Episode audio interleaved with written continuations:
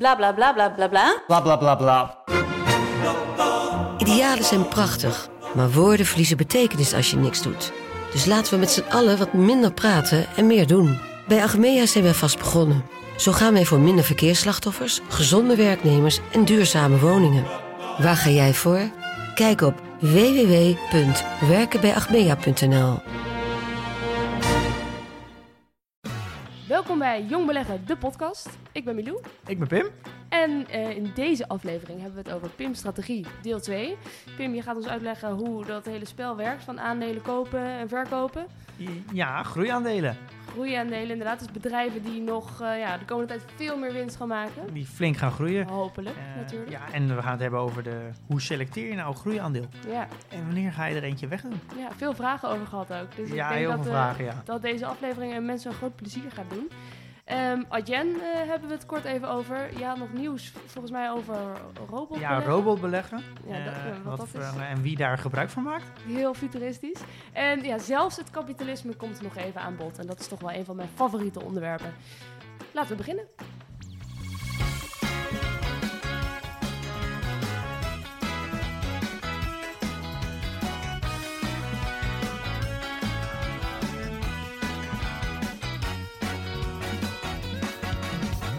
Ja, fijn dat je er weer bent, Minu. Hoe, Ja. eh, hoe was je vakantie? Oh, het was echt heerlijk. Ik, eh, ik had zo nog drie, vier weken willen blijven of langer. Echt, doe mij maar een boot in Friesland. Dat Ja, ik, heerlijk. volgens mij heb je het ook eh, heel lekker gehad. Want ik, ik zie dat je een beetje, een beetje kleur in je gezicht hebt. Dus mij heb je goed weer gehad. Ja, ik heb ook goed gesmeerd, dus ik ben niet verbrand. Maar nee, inderdaad, veel zon gehad. En ja, je ligt daar gewoon midden op een meer met ja, zo'n boot bij je... waar een, een kooktoestel op zit, een ijskast, eh, water, eh, alles wat je wilt zit op die boot. En nou, het was echt heerlijk. Ik moest een beetje huilen toen ik de boot weer moest inleveren bij de, bij de bootverhuurder. Nou, kijk, nou, tip voor iedereen. Vakantie in eigen land. Ga Ja. naar Friesland. En Ja. huur een bootje. Zeker. Het hoeft ook geen zeilboot te zijn. Ik heb ook heel veel andere bootjes gezien. Eh, nee, het was echt, echt een aanrader. Heb je ook een goede week gehad? Dan wel op de beurs, dan wel in je vrije tijd? Ja, allebei. Ik heb eigenlijk niet te klagen. Helemaal niet met dit weer. Oh, echt? Eh, nee, ja, ook op de beurs ging het eigenlijk ook wel, wel goed. Oké, maar ik heb Eh. dus echt niks in de gaten gehouden, maar ik ben goed om te horen. Eh, ja, we zijn weer een klein beetje zijwaarts bewogen, maar wel een klein beetje omhoog. Dus ik ben een paar procent omhoog gegaan vergeleken met vorige week. Ja. Dus het begint wel langzaam, begint de beurs weer een beetje omhoog te kruipen. Doet dat ook iets met je humeur? nee, helemaal niet. Oké. Nee. Dus, Geen emotie op de beurs. nee, totaal niet. Nee, dat maakt me eigenlijk helemaal niks uit. Nee, oké. Nee, als dat wel zou gebeuren, dan eh, zou ik er direct mee stoppen. Ja. Ja? Ja, zeker. Ja, ja. Als je, als je blij werd van eh, een goede beurs en eh, verdrietig van een slechte beurs. Ja, nee, daar zou ik er direct mee stoppen. maar hoezo dan? Hoe zou je dat... Nou, maar ik ga niet mijn, eh, mijn eh, dagelijks geluk afhangen van een eh, beurskoers dat naar boven of naar beneden gaat. Nee, oké. Wat verstandig. Ja, en ik kan er ook prima naar kijken. Doet, dat doet me echt helemaal niks. Nee. Dus, wel een mooie quote van eh, Warren Buffett, die, die zegt als je 30% eh viert als een aandeel omhoog gaat, heb je dan ook het verdriet als het 30% naar beneden gaat. Dus je kan beter maar gewoon, gewoon niet naar kijken. Of als je er naar kijkt, gewoon geen emotie bij hebben. Ja, nou, dat, lijkt me, dat lijkt me ook ten eerste een goede strategie. En vorige week heb je over dividendbeleggen verteld. Dat is het grootste deel van jouw strategie. Ehm, en dan hebben we het nu over het meer spannende deel volgens mij. De groeiaandelen. Ja, de groeiaandelen. Eh, ook wel growth investing. Eh is eigenlijk het leukste stukje van beleggen, vind ik zelf. Ja. Eh, omdat het, is wat actiever. En het is wat je zelf al aangaf. Het is, dit is 30% van mijn huidige portfolio. Dus 30% van mijn ingelegde geld doe ik in de strategie groeiaandelen. Ik denk misschien het grootste verschil met dividendbeleggen en groeibeleggen is dat met dividendbeleggen, wat we vorige keer besproken hebben, is het vooral buy and hold. Dus dan doe je van tevoren een goede analyse. Eh, en als het aandeel eh, ja, eigenlijk altijd binnen die analyse blijft, dan ga je hem eigenlijk ook nooit verkopen. Eh, en met groeiaandelen dan ga je hem wel een keer verkopen. Dus je hebt eigenlijk altijd twee momenten. Het moment dat je het koopt en het moment dat je het verkoopt. ja. Wa- hoeveel tijd zit daar normaal gesproken tussen? Tussen iets kopen en iets verkopen? Eh, nou, het is voor mij zeker geen, eh, niet op dagelijkse basis. Dus het, anders lijkt het te veel op traden, op handelen. Ehm, een jaar tot twee jaar, dat is een beetje... oké. eh, ik verwacht natuurlijk een groei. En als de groei richting de 30 tot 50 procent gaat, dan hou ik het goed in de gaten. En dan kijk ik goed of de groei er nog steeds in zit voor de komende tijd. En dan Ja. ga ik soms al wat, eh, wat winst nemen. Dus dan probeer ik al een, eh, een gedeelte van de positie te verkopen. Ja. Eh, groeiaandelen, het, het is wel iets, iets risicovoller en het is ook wat speculatiever. Ja. Is dat als je naar de wat meer traditionele bedrijven krijgt, de stabiele bedrijven, dus de dividendbedrijven, die, hebben, die hebben vaak hele stabiele cijfers. Die presenteren kwartaalcijfers en winstcijfers. En dat, dat verandert niet zo heel veel per kwartaal. Die zijn vrij steady.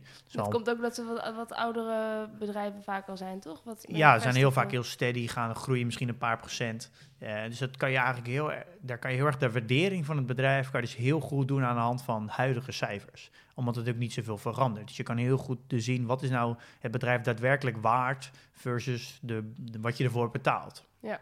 En daar zijn een beetje de gemiddelde voor dat je ongeveer 15 keer de winst op de beurs. Groeiaandelen he- hebben nog niet zoveel winst, Mhm. eh, omdat ze eigenlijk één focus hebben, dat is groeien. Eh, en soms maken ze zelfs verlies. Dus eigenlijk de hele ja, de manier om een bedrijf te beoordelen op winst en op de hoeveel is het waard versus op de beurs versus wat voor eh, winst maken ze, kan je eigenlijk al niet, niet Ja. gebruiken. Is daar bijvoorbeeld Uber een voorbeeld van, dat nog steeds altijd verlies maakt? Sinds Eh, Uber zit, eh, ik heb niet de daadwerkelijke cijfers van Uber zo voor me, maar ik, ik denk dat Uber wel inderdaad nog steeds verlies maakt. Ja. Wat eigenlijk het grote verschil is met groeiaandelen, is dat je, je koopt eigenlijk een groeiaandeel met, op de potentie dat het gaat groeien. Eh, dus de toekomstige waarde. Eh, dus als je, als je een aandeel nu zou kopen, nou neem bijvoorbeeld eh eh, eh, Just Eat Takeaway, dat is de thuisbezorgd. Ja. zo zijn ze bekend in Nederland.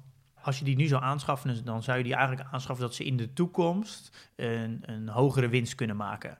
En nou, Just Eat Takeaway is een mooi voorbeeld dat eh, dat is een beetje een winner takes all model. Dus als ze in een land zitten waar ze meerdere concurrenten hebben, dus dan zullen ze heel veel marketingkosten kwijt zijn om hun positie vast te houden. Eh, dan zullen ze hun marges heel laag zijn. Ja, Maar langzaam dat is zoveel concurrentie. je heel veel concurrentie. Maar wat er meestal gebeurt, omdat het eigenlijk maar een markt is waar één iemand in kan zitten, eh, omdat anders de marges te laag zijn, gaat er altijd wel een. Uiteindelijk blijft er altijd één over. Of ze Ja. kopen, kopen elkaar over, of de ander die verlaat de markt omdat het eh, niet meer rendabel is. Ja. Eh, en dat zie je eigenlijk in Nederland ook. Eh thuisbezorgd is eigenlijk bij far de grootste. Het hoeft daardoor eigenlijk geen marketing meer te doen om een goede positie in, in Nederland te houden. Nee, dus ze kunnen best wel hoge marges draaien. Maar om die marges te draaien hoeven ze dus helemaal, is, gaat hun kosten heel erg naar beneden. Ja. Eh, en dat is wat ze eigenlijk wat ze doen, is ze gaan dus naar, naar een land toe, daar adverteren ze heel veel, waardoor ze eigenlijk heel veel marge inleveren. En op een gegeven moment zijn er, is er maar één speler over.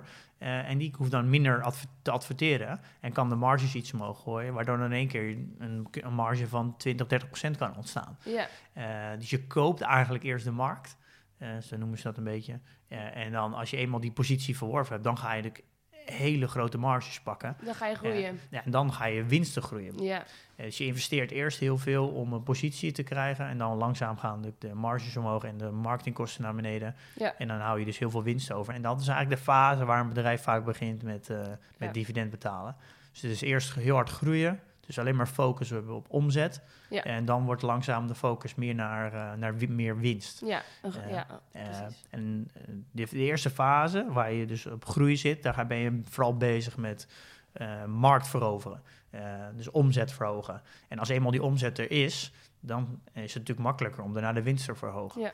Ehm, kun jij ergens zien wat de omzet van bedrijven is? En kijk je daar ook naar, hoe die over de afgelopen jaren is gegroeid? Ja, nee, dat absoluut. Ja, daar kijk ik naar. Ja. Ja, en dat kun je dus wel ergens vinden. Ja, dus alle be- beursgenoteerde bedrijven, die hebben allemaal een website voor investors. Dus als je eh, gewoon het bedrijf googelt en je typt daarachter investor, dan ga je naar de speciale website van, eh, van dat bedrijf wat specifiek is voor investeerders. En daar staan alle, alle informatie over het bedrijf. En is er niet een of ander handig overzichtje ook nog ergens? Ja, er zijn best wel veel plekken op die alle, die alle ja, kwartaalcijfers verzamelen en dat Ja. inzichtelijk maken. En eh, vaak krijg je daar een gedeelte, kan je gratis zien. En als je meer wil zien in het verleden, dan moet je vaak voor betalen. Oh, heb je dat wel eens gedaan?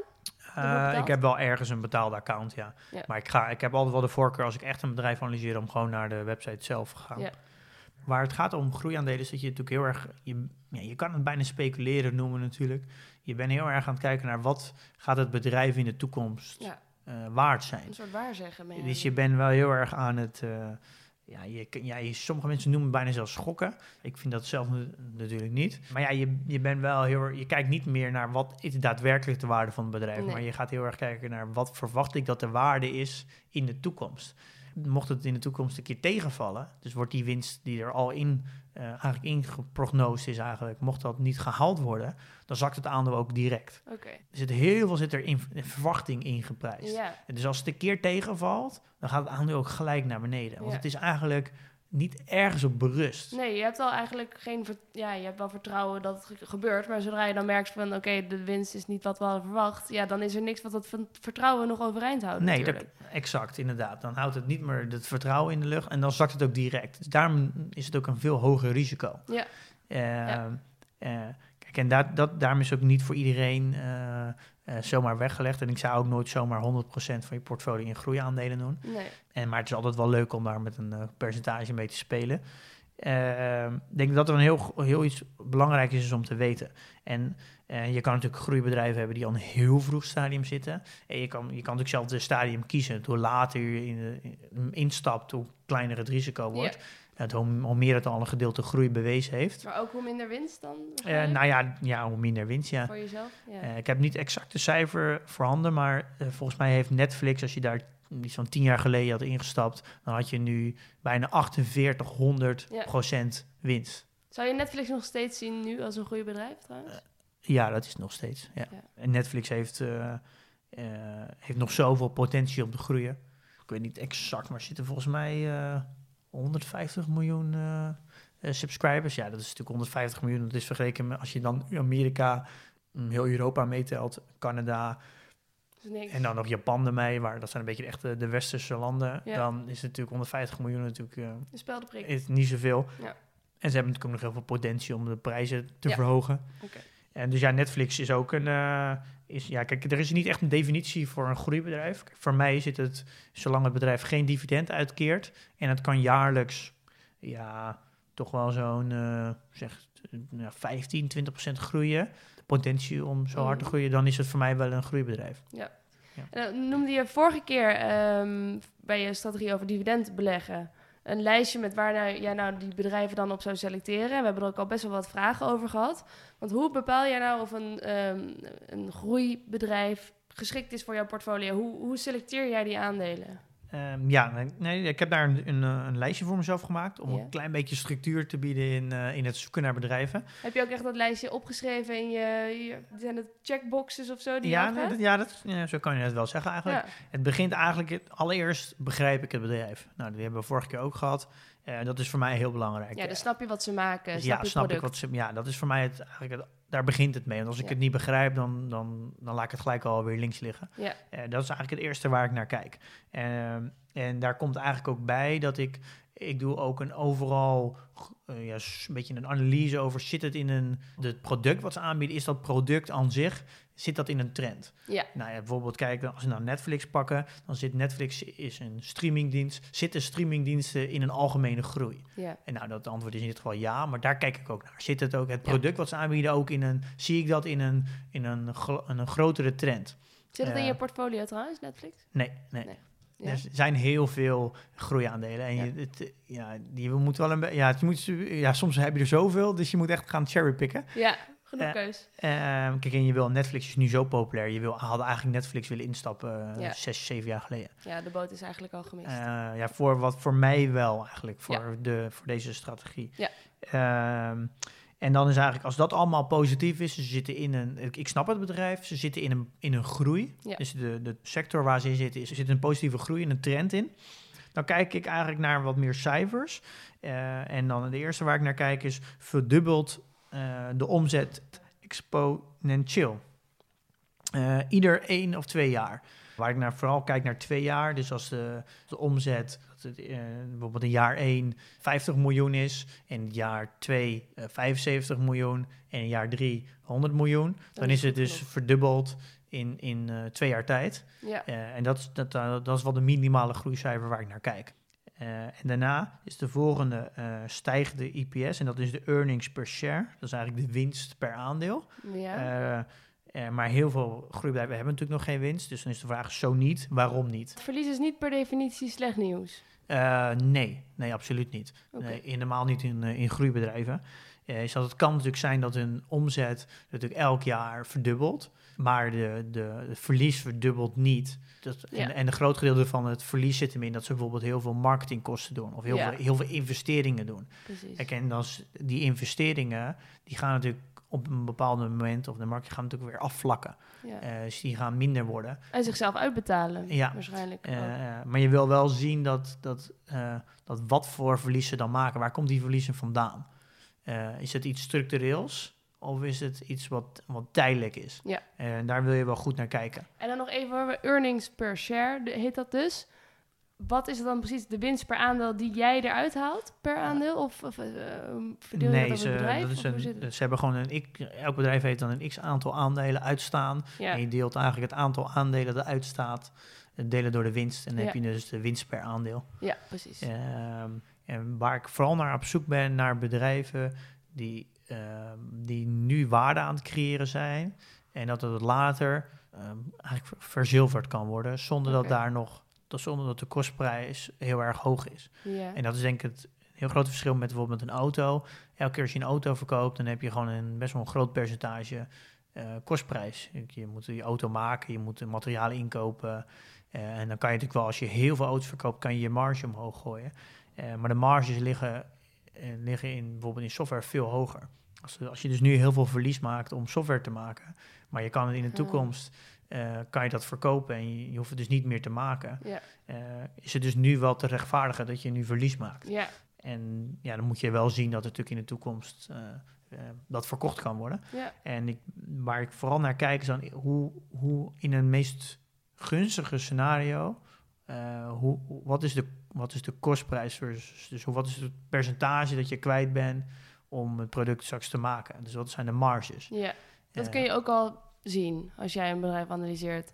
eh, ja, dat kan je heel goed zien, ja. Dus staat het ook op zijn website of is dat wel even iets wat je zelf moet uitzoeken? Nou, dat kan je wel zelf, dat moet je wel even uitrekenen. Ja? Kijk, ja. en ik denk dat je, ja, misschien het meest makkelijk voorbeeld bij Netflix, die maakt bijvoorbeeld nu heel veel marketingkosten en doet heel veel filmproducties. Dus is heel erg veel aan het investeren. Ja. Maar ze, eh, ze kunnen straks bijvoorbeeld minder uit gaan geven aan marketing. Ze kunnen minder eh, filmproducties gaan doen. En dan geven ze dus veel minder geld uit. Maar hetzelfde, het inkomen blijft gewoon hetzelfde of gaat zelfs omhoog. Dus dan kunnen ze in één keer hele hoge marges draaien. En dan kijk je naar, naar wat voor, wat, welke kosten in een organisatie blijven altijd. En welke kosten zijn variabel. En die variabele kosten kunnen ze op een gegeven moment eh, verlagen. En dan kan je wel in grofweg uitrekenen wat ongeveer de marge gaat zijn. Eh kijk, en bij sommige producten, nou, bijvoorbeeld auto's verkoop, kan de marge gewoon op een gegeven moment gewoon niet meer omhoog. Eh, dat gaat, de enige manier hoe je veel kan verdienen is door gewoon veel meer te verkopen. Ja. Eh, en je wil eigenlijk een, een, ja, een heel sterk businessmodel hebben, waar je dus je marges heel hoog zijn, zo, en zonder dat je er veel voor hoeft te verkopen. Als dan in één keer de, minder mensen auto's kopen, dan, gaan, ja, dan gaat ook gelijk je, je, je marge eraan. En Ja. dat zie je natuurlijk nu ook in de tijd dat nu alle technologiebedrijven het heel goed doen, omdat hun marges gewoon heel hoog zijn. Ja. Hun hebben een hele lage kostprijs, dus als minder mensen het product afnemen, eh, ja, dan heb- heeft dat niet zo heel veel invloed. Ik denk dat het wel een groot verschil is met Booking en met een vliegtuigmaatschappij. Uh, als nu maakt Booking net zo, ja, ook eh, misschien 90% minder omzet. En dat doet een vliegtuigmaatschappij ook. Maar ja, maar ja, Booking heeft de enige kosten die ze hebben, eh, zijn eh, personeel en wat kantoorpanden. Ja, luchtvaartmaatschappij moet al zijn vliegtuigen onderhouden. Ja, en nou, die heeft die vliegtuigen geleased. En de piloten. En de piloten, de kerosine, eh, alle huur die ze hebben om die vliegtuigen te stallen. Dus die eh, hun hebben, ja, he- hebben nog heel veel kosten. Ja. En Booking die heeft normaal ook heel veel kosten, maar dat is heel veel marketingkosten. Die hebben ze nu gewoon gestopt. Ehm, dus Ja, hun precies. risico is veel lager. Ehm, Ze zijn zelfs een eh, anti-campagne tegen zichzelf begonnen, volgens mij. Nee. Dus daar kijk je dus daar kijk je heel erg naar. Is naar de, wat zijn daadwerkelijk de kosten en hoeveel kosten zijn er eh, gekoppeld aan de, aan de omzet. Ja, Eh, en als dat verschil heel groot is, dan is het, heeft het bedrijf veel minder risico. Ja. In, ook in slechtere tijden.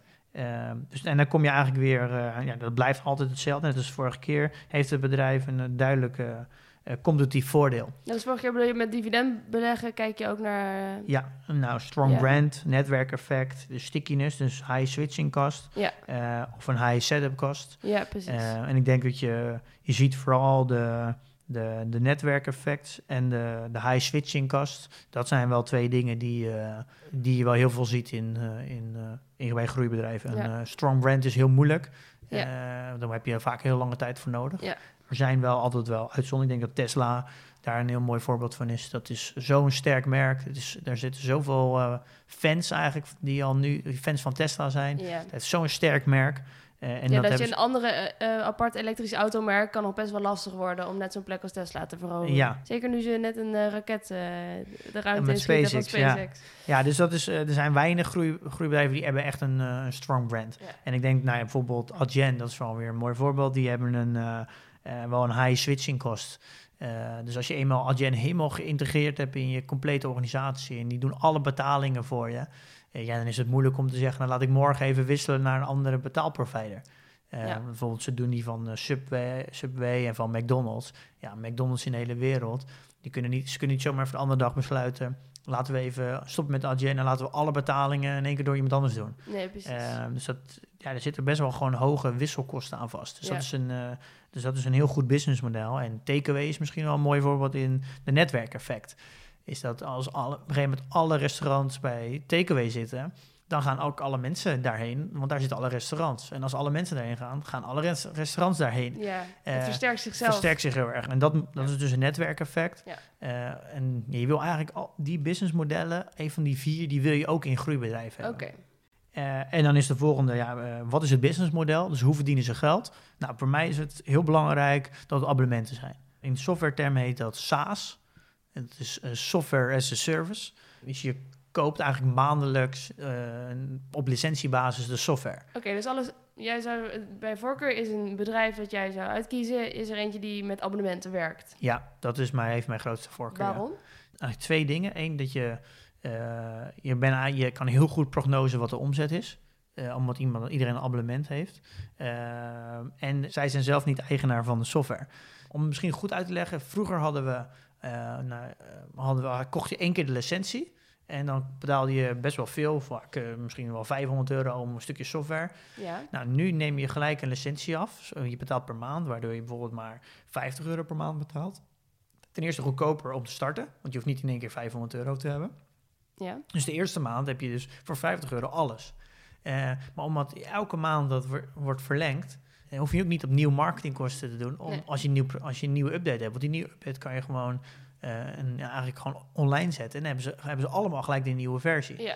Eh, waardoor je dus eigenlijk je kosten die je maakt om bestaande klanten eigenlijk een soort van nie- weer een, als klant te blijven, ja. die hoef je niet te doen, omdat het al aan je vast zit. En zo verhoog je je marges. En zo verhoog je heel erg je marge. En je kan dan ook jaarlijks heel makkelijk je, je prijs per maand verhogen. Ja. Eh, dus je kan ook heel makkelijk mee met inflatie. Ja, Dus, eh, dus je kan bijvoorbeeld zeggen, nou, dit jaar 50 euro en de inflatie gaat iets omhoog. Dus dan kan je zeggen, Ja, nou, we laten we volgend jaar er 52 euro van maken. Ja. Ja, dat is, met, vooral met software is dat iets heel nieuws. Dat je maandelijks aan, eh, aan, eh, aan dingen vastzit. Ja. En het is een beetje, ja, het is hetzelfde natuurlijk met, met je, het internetabonnement en zo. Dus die betaal je ook maandelijks. En Ja. het, dat gaat gewoon door. Dat begroot je gewoon mee. Eh, dus dat, dat vind ik een heel fijn businessmodel. En Daar, kijk ik, eh, daar kijk ik ook heel erg naar. Ja. Dus hoe verdienen ze geld? En dan is nog het laatste. Ik moet wel in vertrouwen in hebben dat het nog de komende jaren, eh, vooral de komende, de komende vijf jaar, door kan groeien. Dus eh, daar wil ik eigenlijk mee afdichten dat ik dus niet op het einde van de groei zit. En hoe zie je dat dan, of een bedrijf aan het einde van zijn groei zit? je kan daar natuurlijk best wel een berekening over maken. Is dat Netflix zegt dat Netflix nu eh, 150 miljoen abonnementen heeft. Als ze willen verdubbelen naar 300 miljoen, dat, dat gaat niet zo makkelijk gebeuren. Eh, maar de, bijvoorbeeld de, van, de, van 50 miljoen naar 100 miljoen ging veel sneller. Ja. Eh, dus de, de verdubbeling wordt natuurlijk wordt steeds moeilijker. Je ziet eigenlijk de curve afvlakken. Ja, de curve neemt vlak af, want het wordt gewoon moeilijker. Eh, en daardoor wordt het wel stabieler. Eh, maar dat is, ja, dat, dat past geen groeibedrijf dat meer. past dan niet meer echt in mijn, eh, in mijn strategie. Nee, want hoe, hoe netjes houd jij je eigenlijk aan al die regels die je dan net Nou, dat is natuurlijk heel moeilijk. Kijk, Ja? uiteindelijk, kijk, uiteindelijk zijn al deze eh, voorwaarden niet heilig. Kijk, uiteindelijk heb ik, eh, heb ik een strategie groei, eh, groeibedrijven, omdat ik daar winsten mee wil genereren.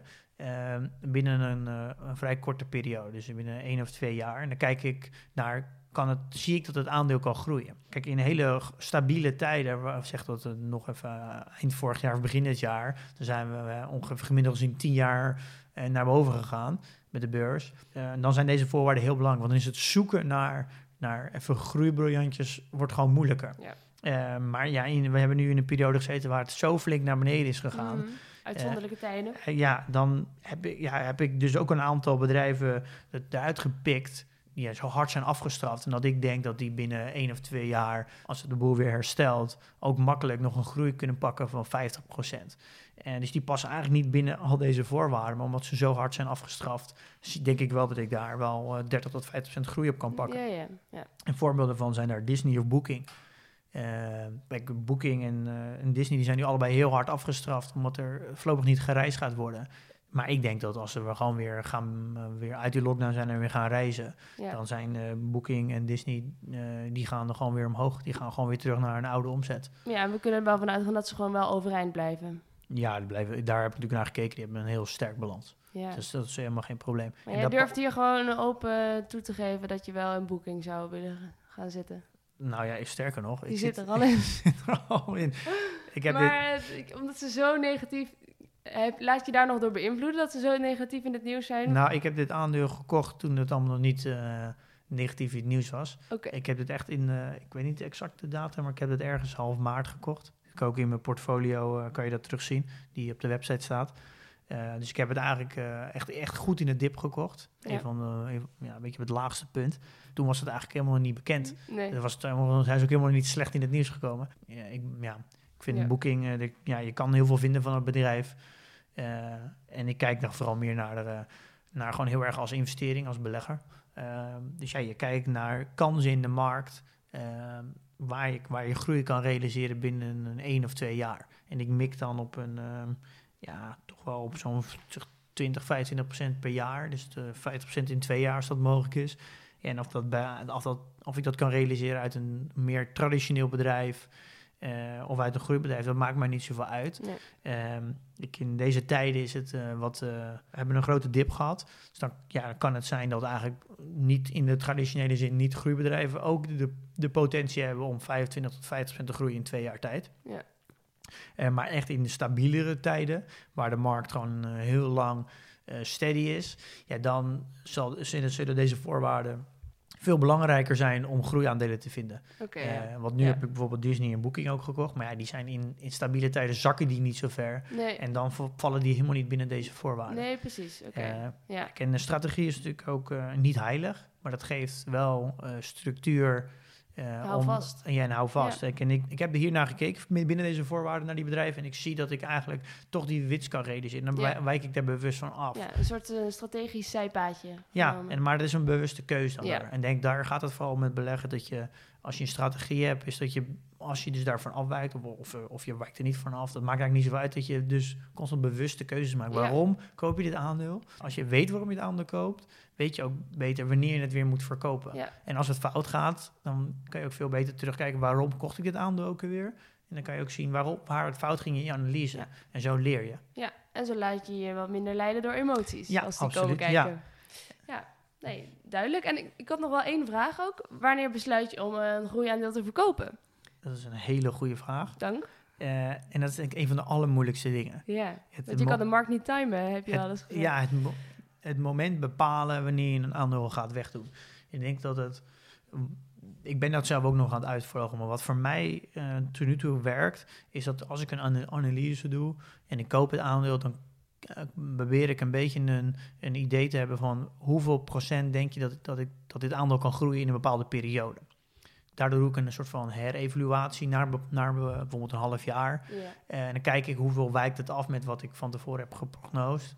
Ehm, waar, en als het afwijkt, waarom, waar komt die afwijking dan door? Zowel positief als negatief. En vanaf dat moment ehm, kan ik, ga ik dus nog een keer die analyse doen. Zie ik dus eigenlijk of ik het weer kan verlengen. Dus als ik bijvoorbeeld een, nog een half jaar, een jaar hou, zie ik dan diezelfde groei weer. En soms kan het zijn dat als een aandeel zo hard gegroeid is, echt boven mijn verwachting, dan kan het zijn dat ik denk, nou, dat, eh, dat is- het gaat nu wel heel hard. Ik verwacht dat het de komende jaar het dan minder hard gaat groeien. Dan ja, kan ik voor kiezen om, het hele, om de complete positie te sluiten.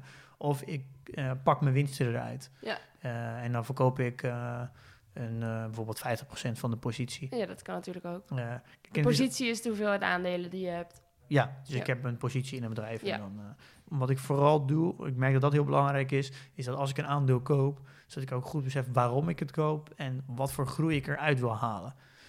Want als ik eigenlijk niet goed weet waarom ik het koop, dan, ja, dan weet ik ook niet wanneer ik het moet verkopen. Nee. Want verkoop je het dan bij 10% of bij 20% of bij 50%? Ja, dat weet, je, vingerwerk. dat weet je dus eigenlijk Nee. niet. En dan wat er dan vaak gebeurt, dan hou je het maar. Ehm, ik probeer dat wel voor mezelf op te schrijven. Ja. En het is wel heel moeilijk om je strategie in deze tijden enigszins waarde te geven. Want het, is, het zijn zulke gekke tijden. Ja. We zijn zo hard gezakt. Dus ja, eh, als je in, in maart technologie aandelen hebt gekocht, dan is het allemaal goed. Eh, eigenlijk kan je er pas na drie tot vijf jaar echt wat van zeggen of, het, eh, of je het goed doet.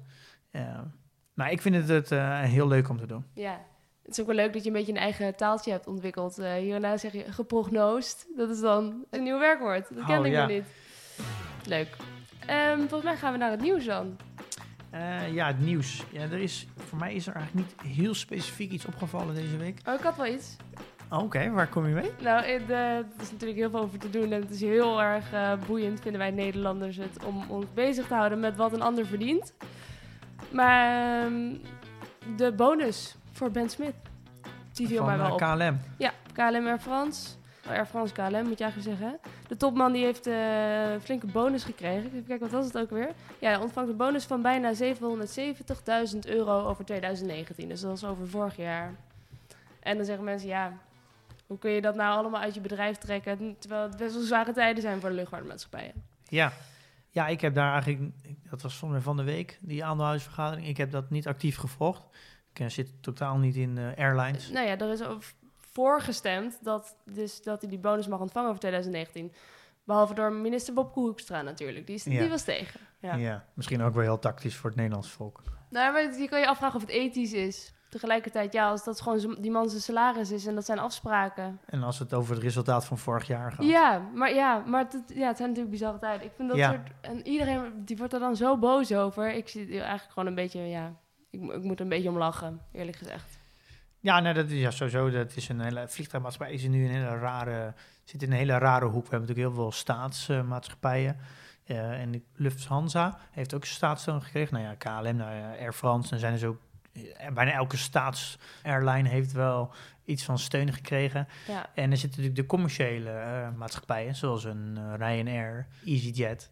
Die hebben niks te maken, die hebben geen connectie met de staat. Ja. Die gaan nu aan alle kanten eh, rechtszaken aanspannen. Want die vinden dat, eh, ja, wij hebben tien jaar lang eh, in de goede tijden eh, goede buffers gebouwd. Wij hebben ons bedrijf goed georganiseerd. Wij zijn in principe gezond. Wij, kunnen Ja. dit, wij redden zelfs deze crisis en overleven wij Ja. zonder staatssteun. kunnen tegen een stootje. Dus wij hebben eigenlijk goed ondernemerschap getoond. En nu gaan eigenlijk de overheid gaat zich nu gaat allemaal concurrenten van ons. Ja, die zich niet zo goed hebben gedragen. ja, die gaan tijd. in de lucht houden. En dat is eigenlijk als er één ding wat, lucht, wat de overheid niet mag doen, is oh, mag zich niet bemoeien in de, in de markt, want dan krijg je oneerlijke concurrentie. Ja. En de overheid zorgt nu voor oneerlijke concurrentie. Ja. Maar ik kan En zeggen, ja, het is oneerlijk. Maar aan de andere kant, wat is het alternatief? De bedrijven om laten vallen. En wat is daarvan weer het gevolg? Dat er heel veel mensen werkloos worden. Ja, maar ja, dat is toch wel hoe de markt werkt. Ja, En- dat is nou eenmaal het kapitalisme waar we voor gekozen hebben. Ja, maar ik, ik, zit er, ik snap dat wel heel goed. Stel je voor, jij laat me even het klein maken. Je hebt een, eh, een bakker, een lokale bakker. En jij hebt tien jaar lang in goede tijden goede buffers gebouwd. Je hebt je, je businessmodel aangescherpt. Je hebt je marge omhoog gegooid. Je, hebt echt, eh, je bent een goede ondernemer geweest. Je hebt je, je goed gedragen. Je, je bent niet meegegaan in dat je een, eh, als bakker een Tesla voor de deur zet. Je hebt je eh, goed ondernemerschap getoond in goede tijden. Ehm, dan zitten er allemaal bakkers om de hoek die, die niet bezig zijn met een businessmodel voor groot, omdat het niet nodig was, omdat het goede tijden waren, geen buffers aangelegd. Het gaat nu in één keer fout. En die worden in één keer in de lucht gehouden door de overheid. En hun worden beloond voor eigenlijk eh, slecht ondernemerschap. En daardoor Ja. zorgt, zorgt jouw positie wordt daardoor minder sterk. ja. Want we hebben in één keer heel veel kapitaal erbij en Ja. jij niet. Wat vind je daarvan als bakker? Nee, je hebt, ja, je hebt ook een punt. Ja.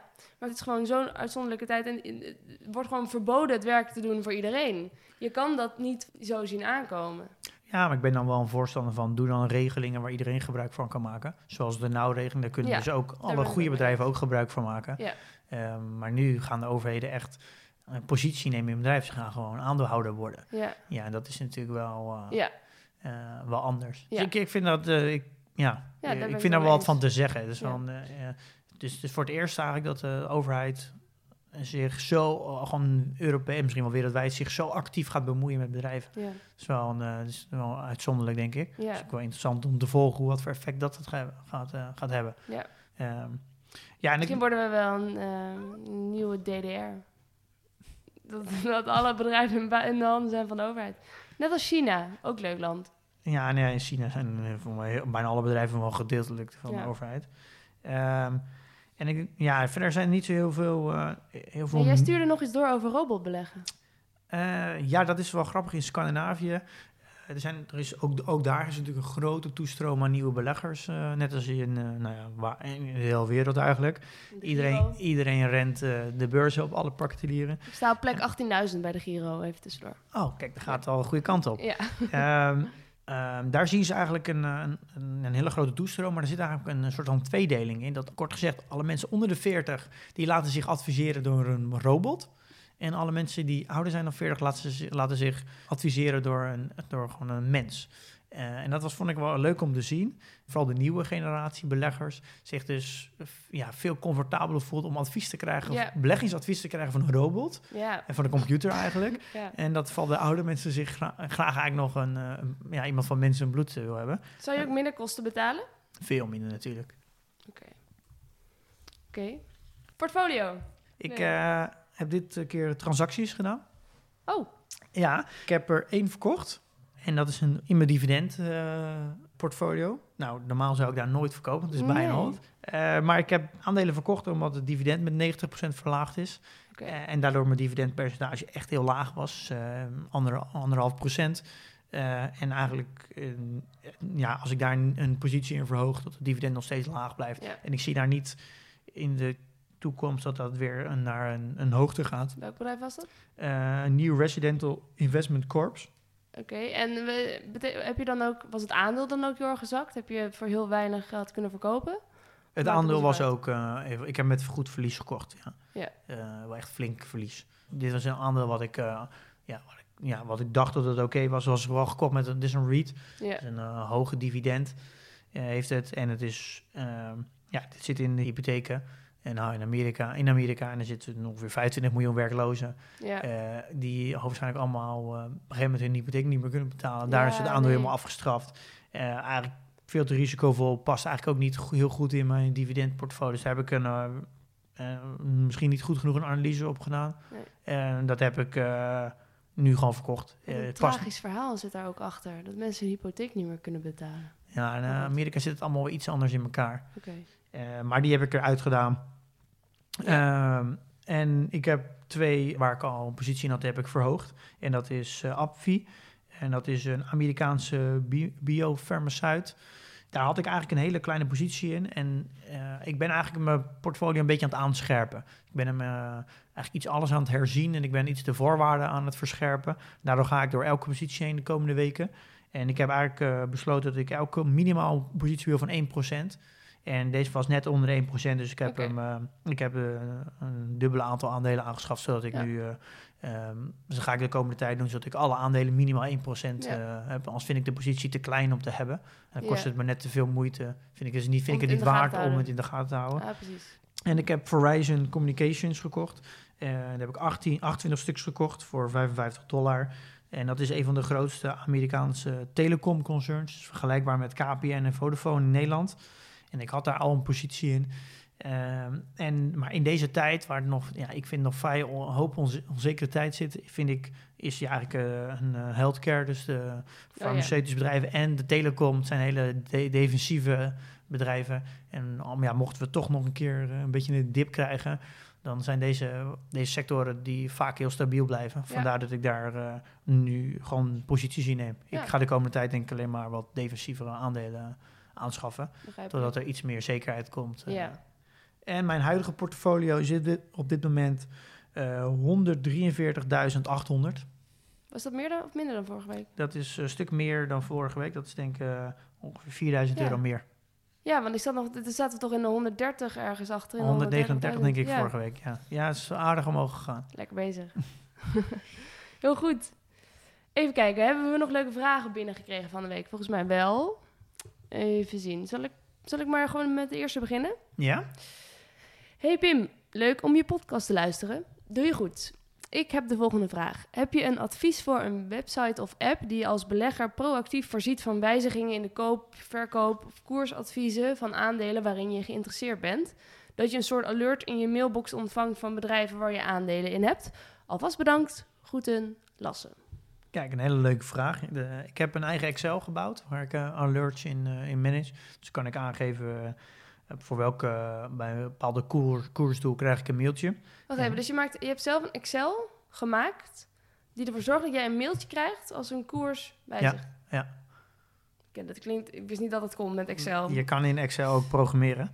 En daar heb ik een scriptje gemaakt waar ik een mailtje voor krijg. Een trigger noem je dat als je een bepaalde ja. doel bereikt. Oké, okay, Lasse, succes. Uh, je kan met Excel. Um, maar je kan ook producten gebruiken, uh, bijvoorbeeld Seeking Alpha. Die heeft een portfolio manager. Is dat een website? ja, seekingalpha.com. Uh, YahooFinance.com. En er zijn wel meerdere van zulke soort bedrijven die, waar je alerts kan instellen. Dus okay. kan je een bedrijf opzoeken en dan kan je een bepaalde koersdoel invullen. En dan krijg je een notificatie. Oh, ja. als dat koersdoel bereikt is. Dus dat zijn wel handige tools. Ja, is misschien nog een idee om een keer een app over te bouwen. Ja, misschien wel een goed idee. Had ik nou net producten kunnen bouwen? Ja, goed. Pim, ga ermee aan de slag. Binnenkort in de App Store in jou in de buurt. Volgende. Alle ins en outs van het beleggen worden stap voor stap en week voor week aan je uitgelegd. En dat op een hele simpele, ver verhelderende en rustige slash prettige wijze. Maakt niet uit of je al begonnen bent of dat je nog moet gaan beleggen. Luister deze podcast.